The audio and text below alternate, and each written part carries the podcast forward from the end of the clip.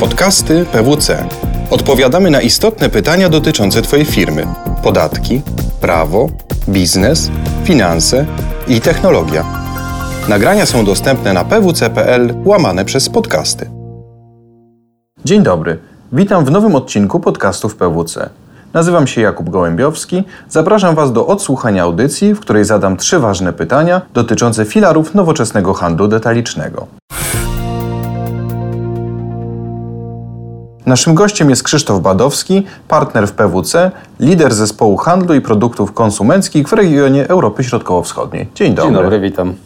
Na naszych oczach sektor handlu dynamicznie się rozwija.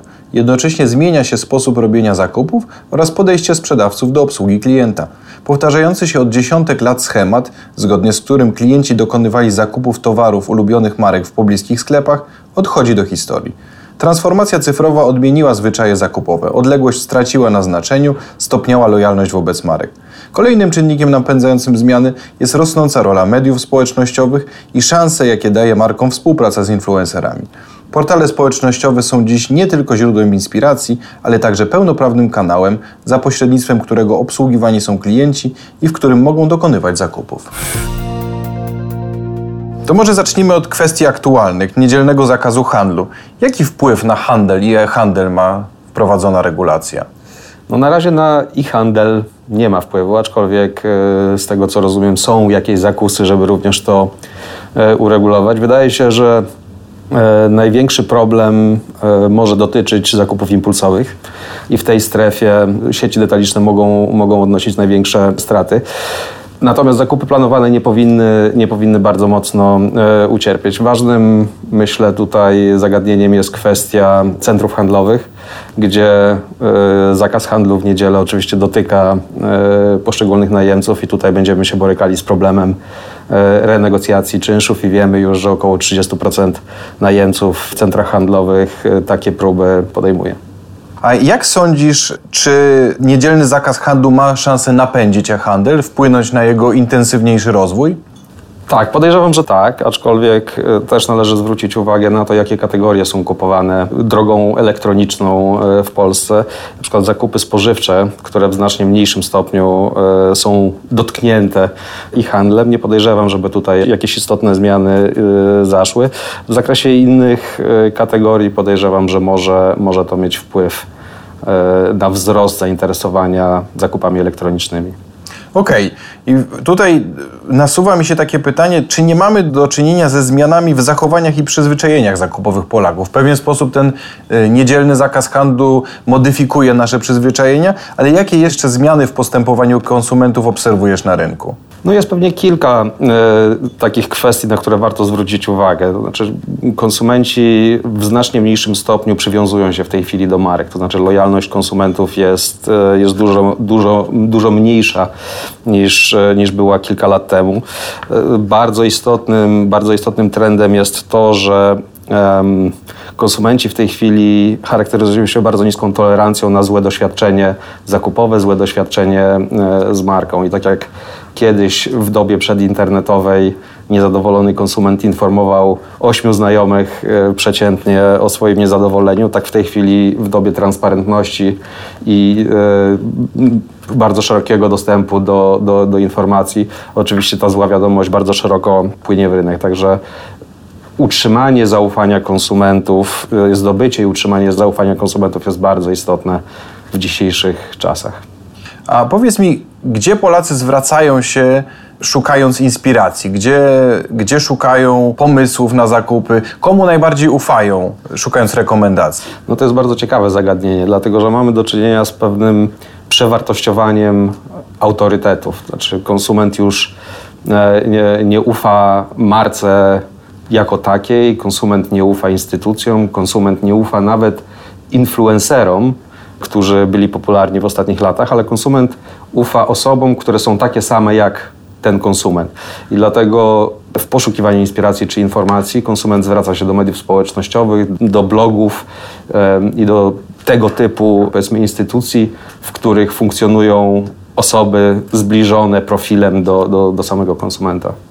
Czyli można pokusić się o tezę, że najbardziej ufamy znajomym Czy mogą to być też nieznajomi, którzy po prostu nie kojarzą nam się z marką, wydają nam się obiektywni?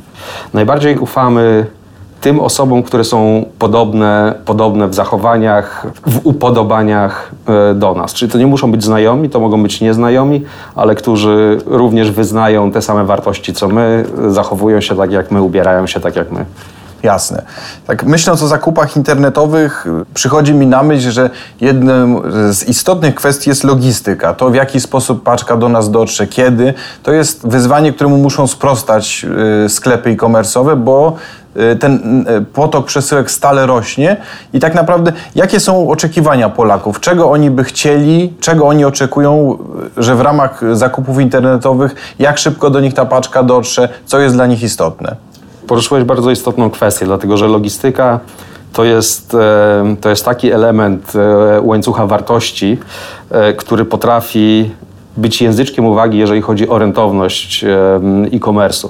I rzeczywiście logistyka jest tutaj bardzo dużym wyzwaniem z kilku, z kilku powodów. No raz, że jest droga, dwa, że jest czasochłonna, a konsument też nie lubi długo czekać na, na dostawę towaru.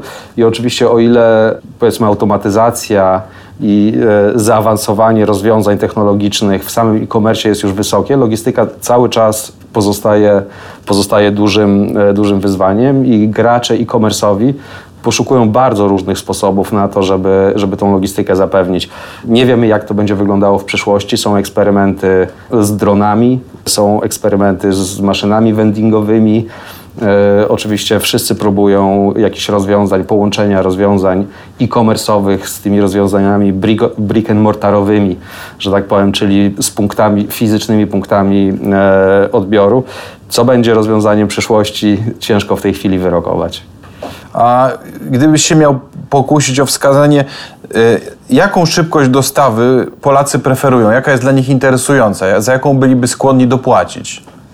Ponad 60% Polaków chciałoby otrzymywać zamówioną przesyłkę tego samego dnia, aż 23 w ciągu, w ciągu 3 godzin. Także widać e, bardzo, bardzo mocno, że konsument jest niecierpliwy i że konsument chce natychmiast otrzymywać przesyłkę, e, przesyłkę którą, którą zamówił. Jedynie 7% Polaków jest gotowych e, czekać na, na dostawę między 3 a 5 dni.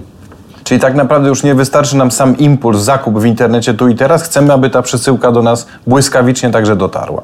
Absolutnie, absolutnie. To jest taki instant gratification, czyli natychmiastowa, natychmiastowa nagroda, natychmiastowa możliwość cieszenia się tym, co, co zamówiliśmy. Jasne. Poruszone w naszej rozmowie kwestie wskazują obszary, które bacznie powinni obserwować przedsiębiorcy z sektora handlu detalicznego, a także kierunek, w jakim podążać, by najlepiej odpowiadać na potrzeby zgłaszane przez klientów. Więcej informacji na ten temat znajdziecie w raporcie PWC pod tytułem Polacy na zakupach Pięć filarów nowoczesnego handlu, dostępnym na stronie pwc.pl ukośnik handel 2018. Zachęcam do lektury. Bardzo dziękuję za wysłuchanie tego odcinka, a Krzysztofowi za ciekawą rozmowę. Bardzo dziękuję. Podobał Ci się odcinek? Podziel się z innymi oraz śledź nasze kanały. Więcej podcastów PWC znajdziesz na stronie pwc.pl ukośnik podcasty oraz w aplikacjach iTunes i Google Music. Do usłyszenia w kolejnym odcinku.